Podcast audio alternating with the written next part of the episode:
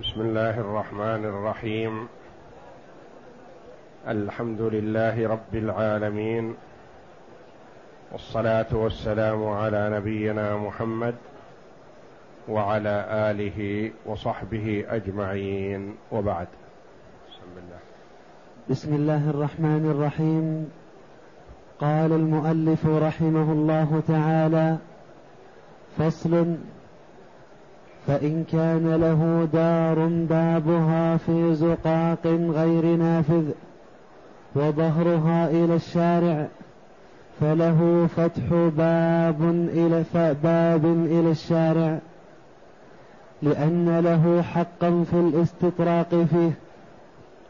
قول المؤلف رحمه الله تعالى فإن كان له دار لها باب على طريق غير نافذ. وظهر الدار على الشارع العام طريق العام. فهل له أن يفتح على الشارع العام؟ الجواب نعم له ذلك. لأن الشارع العام ما دام جدار داره عليه فله حق الاستطراق وله فتح باب وله فتح نافذة وغير ذلك على الشارع العام.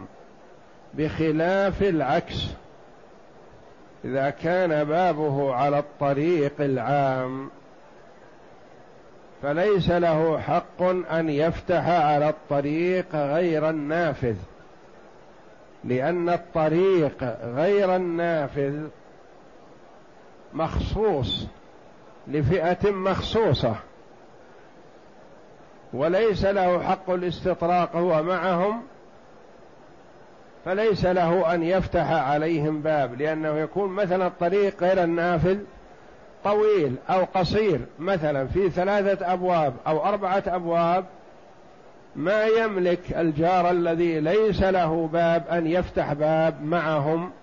لأن حق الاستطراق لأهل الأبواب ومن عداهم فلا إلا على القول الآخر أن له أن يهدم جداره ومن حقه ما دام من حقه أن يهدم جداره يفتحه أن يفتح عليه الباب كما سيأتي. نعم. وإن كان بابها إلى الشارع لم يكن له فتح باب إلى الزقاق للاستطراق. لأنه لا يجوز أن يجعل لنفسه حق الاستطراق في مكان مملوك لأهله. لأن الغالب أن الزقاق غير النافذ يكون مملوك لأهل الأبواب هذا. فما من حق غيرهم أن يشاركهم فيه وهم ربما أخذوه من بيوتهم. وهذا الذي لم يفتح عليه باب لم يؤخذ من داره ولا من أرضه شيء فليس له حق الاستطراق حينئذ معهم. نعم.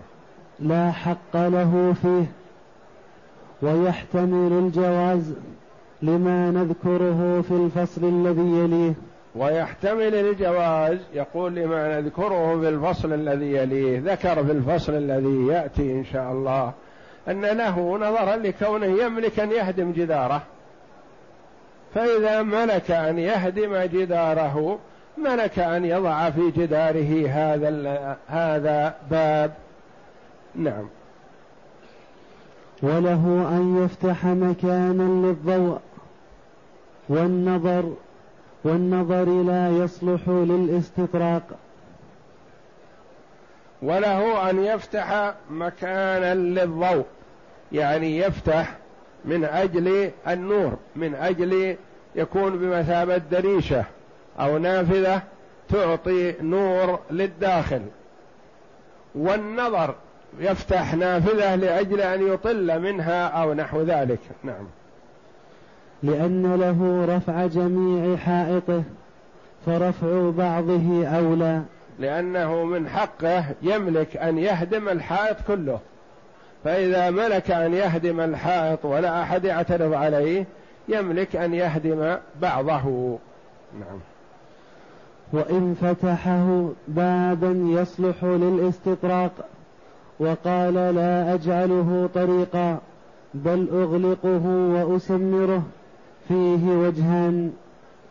أحدهما له ذلك لما ذكرنا والثاني لا يجوز لأن الباب دليل على الاستطراق فيجعل لنفسه حقا. فإذا أراد أن يفتح باب مثلا واعترض عليه أهل الزقاق غير النافذ. قالوا ما تملك لأن هذا أخرجناه من بيوتنا. فما تملك أن تفتح عليه تشاركنا فيه. لو قال أريد أن أفتح باب وأغلقه وأسمره لا أفتحه أبدا وإنما أضع الباب هكذا. قال في وجهان يحتمل الجواز ما دام أنه سيسمره ولا, ولا يستطرق منه ويحتمل ألا يجوز لأنه قد يسمره الآن ويفتحه بعد فترة. يقول هذا باب موجود لما أسمره؟ فقد يكون تسميره في الوقت الحاضر من باب الحيلة على تسكيتهم ثم يفتحه ولا أحد يعارضه. وإن فتحه بابا وإن كان له داران باب أحدهما أو بابهما في زقاقين غير نافذين بينهما حائط فأنفذ أحدهما إلى الأخرى جاز في أحد الوجهين. فأنفذ إحداهما يعني. فأنفذ إحداهما على الأخرى جاز في أحد الوجهين. لأن له رفع الحائط من بينهما وجعلهما دارا واحدة. فرفع بعضه فرفع بعضه أولى. والثاني؟ والثاني لا يجوز لأنه يجعل الزقاقين نافذين ويجعل الاستطراق في كل واحد منهما من دار لا حق لها فيه. وإن كان له داران باب إحداهما أو بابهما في زقاقين في زقاقين غير نافذين بينهما حائط. صورة ذلك أن يكون له داران متلاصقتان. إحداهما تفتح على زقاق غير نافذ والأخرى تفتح على زقاق آخر غير نافذ. فجاء وأزال شيئا من داره من حوشه من ملكه وجعل الزقاقين نافذين. هل له ذلك أو لا؟ جاز في أحد الوجهين. لما؟ قال لأنه ملكه يتصرف فيه هو أخرج من ملكه للشارع ليكون نافذا وموصل بين هذين الزقاقين غير النافذين. فجاز لأن له التصرف في ملكه لو هدم داره كلها وجعلها موصلة بين الطريقين يملك هذا. لأن ملكه يتصرف فيه. الوجه الثاني قال لا يجوز. لما؟ لأن الزقاقين ليس له وحده يتصرف فيهما. هذا الزقاق الشارع غير النافذ الطريق غير النافذ له ولأربعة معه. والآخر له ولثلاثة آخرين معه. فإذا فتح بينهما شرك الثلاثة مع زقاق الأربعة وشرك الأربعة مع زقاق الثلاثة وساروا يستطرقون الشارع كلهم. وربما أصحاب أحدهما أو أصحابهما ما يرضون. يقول نحن مختصين بالزقاق ثلاثة أشخاص. ما نريد كل يمر مع هذا الزقاق. وهذا أولى. فما يفتحه إلا بإذنهم لأنه قد يضر بهم. يقولون نحن مختصون بهذا الزقاق ثلاثة أشخاص مثلا ثلاثة بيوت. إذا فتح ما بين الزقاقين صار الطريق نافذ وصار كل يستطرقه. وكل يدخل معه. وشاركنا غيرنا في ملكنا ونحن ما نأمن على بيوتنا مثلا وعلى محارمنا وكذا مع كثرة الاستطراق. فمن حقهم أن يمنعوا ذلك إلا برضاهم ولعل هذا أولى والله أعلم. نعم. وكل موضع لا يجوز إذا صالح أهل الدرب بعوض. إذا صالح أهل الدرب بعوض أو أذنوا له بغير عوض جاز لأن المنع لحقهم فجاز لهم أخذ العوض عنه كسائر حقوقهم. يقول وكل موضع لا يجوز إذا صالح أهل الدرب بعوض جاز. إذا قلنا لا يجوز أن يفتح على هذا ولا يفتح على هذا ولا يخلط الزقاقين يشبك بينهما في هذه لأن فيها محاذير. هل يجوز الصلح على هذه الأشياء الممنوعة؟ الجواب نعم. وهذا هو الغرض من إيراد هذه الصور والأبواب لأن هذه في باب الصلح. يعني إذا اصطلحوا هؤلاء مثلا أربعة أشخاص مختصون بهذا الزقاق. هو واحد منهم. وأولئك ثلاثة أشخاص مختصون بالزقاق الثاني. قال لهم مثلا أريد أن أفتح. قالوا لا. ما يمكن لأن فتحك بين الزقاقين يؤذينا. ويكثر المستطرقون للطريق ما دام نافذ؟ لأنه قبل ما يدخل إلا واحد يبي البيوت هذه الثلاثة أو الأربعة. وإذا فتحت بينهما كثر الاستطراق وكثر المار. فما نرضى. ثم إنه صالحهم على شيء ما. قال أعطيكم على هذا كل واحد خمسمائة ريال. وأذنوا لي في الفتح. قالوا لا بأس. أو قال وسفلت الشارع والشارع هذا. سفلته تكون على حسابي لتأذنوا لي. قالوا لا بأس. مثلا. قال مثلا أحفر فيه مجرى للماء والسيل ونحو ذلك مثلا على حسابي لأجل تأذنوا لي في فتح البابين والاستطراق. لا بأس. كل موضع ما جاز أن يفتح يعمله إذا اصطلح معهم على عمله جاز. فصل. فإن كان بابه في زقاق غير نافذ فأراد تقديمه تقديمه نحو أوله جاز لأنه ترك بعض حقه.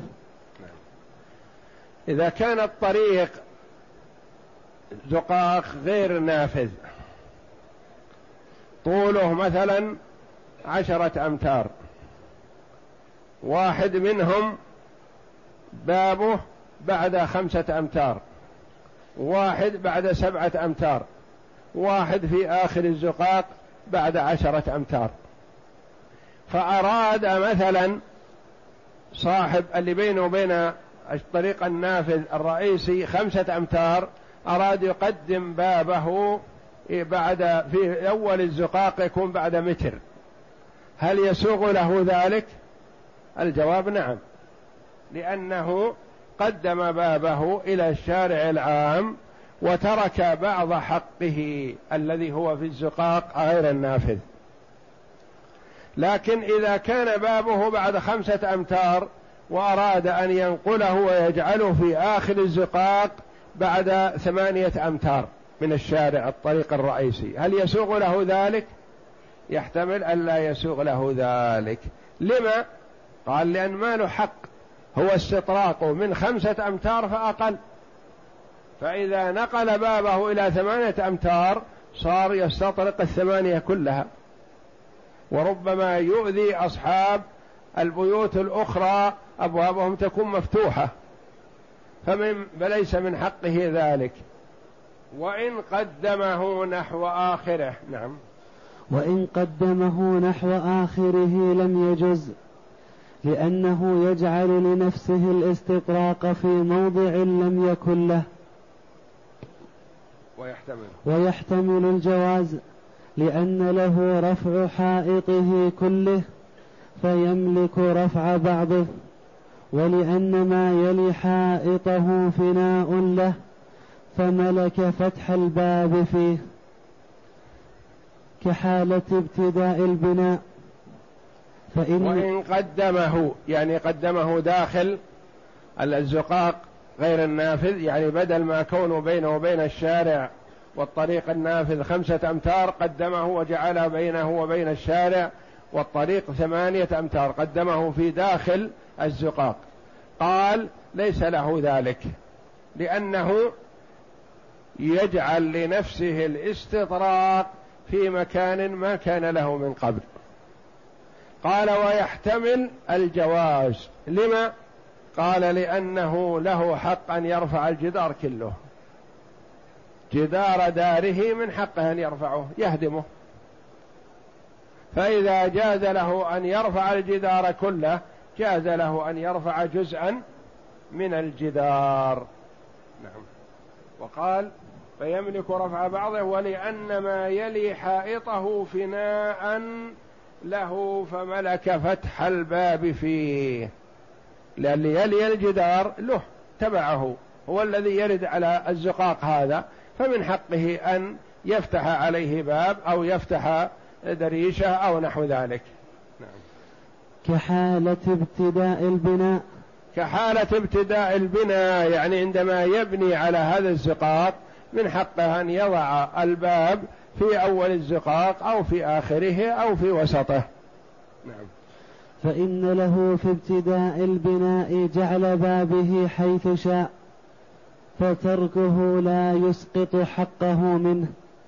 فإن له في ابتداء البناء جعل بابه حيث شاء يعني هو بالخيار إن شاء جعله في أوله أو في وسط الزقاق أو في آخره فهو إذا جعله في أول الزقاق وترك آخره معناه ترك بعض حقه فإذا أراد أن يفتح فيه فيما بعد فله ذلك. فتركه لحقه لبعض لا يسقط حقه منه فهو متى شاء فتح. هذا إذا كان يملك معهم هذا الزقاق. أما إذا كان هذا الزقاق أخرج بعد بناء جداره فليس من حقه أن يبني فيه ولا أن يفتح فيه لأنه لا يملك شيئا من هذا الطريق. ولو تنازع صاحب البابين في الدرب ففيه وجهان أحدهما يحكم بالدرب في أوله إلى الباب الأول لهما لأن يدهما عليه واستطراقهما فيه وسائر الدرب للآخر. لأن اليد له لاستطراقه وحده. والثاني. والثاني هو بينهما لأن لهما جميعا لأن لهما جميعا يدا وتصرفا. فعلى ولو تنازع صاحبا البابين في الدرب. طريق غير نافذ بين بيتين. أحدهما بابه بعد خمسة أمتار من الطريق النافذ. والآخر بابه بعد عشرة أمتار من الطريق النافذ. وتنازعوا فيه كل يدعيه لنفسه أو أرادوا قسمته أو نحو ذلك. كيف تنهى قضيتهما ومحل نزاعهما. كيف ينهى هذا؟ يقال فيه وجهان. أحدهما أن ما كان من الطريق النافذ الشارع العام إلى الباب الأول مشترك بينهما. وما كان من بعد الباب الأول إلى نهاية الطريق إلى الباب الثاني يكون مختص بصاحب الباب الثاني وحده. لما؟ قال لأنه لهما حق الاستطراق جميعا إلى حد الباب الأول. ثم ينتهي استطراق صاحب الباب الأول ينتهي من الشارع. ما له حق المضي فيه. فيكون خاصا بصاحب الباب الثاني. يعني كأن صاحب الباب الثاني يكون له نصف مستقل فيه. وله من النصف الأول نصفه. قال ويحتمل أن يتساوى أن يتساويا فيه. لأن لكل واحد منهما حق الاستطراق فيه فيكون بينهما مناصفة. لا يتميز أحدهما عن الآخر. نعم. فعلى الوجه الأول لصاحب الباب الصدراني جعل آخر الدرب دهليزا يختص به عن سائر أهل الدروب. على القول الأول أن ما كان من حد الباب الأول مشترك وما كان من من من بعده يكون خاص بصاحب الباب الثاني. على هذا يكون من حق صاحب الباب الثاني أن يسكر الطريق هذا من حد الباب الأول لأنه ملكه وهو المختص به. بدل ما هو طريق دهريز مثلا غير نافذ طوله مثلا عشرة أمتار والباب الأدنى في منتصفه من حقه أن يسكر خمسة الأمتار من حد الباب الأول يكون مختصا به. هذا على القول الأول أن ما كان من بعد الباب الأول يكون لصاحب الباب الثاني. نعم.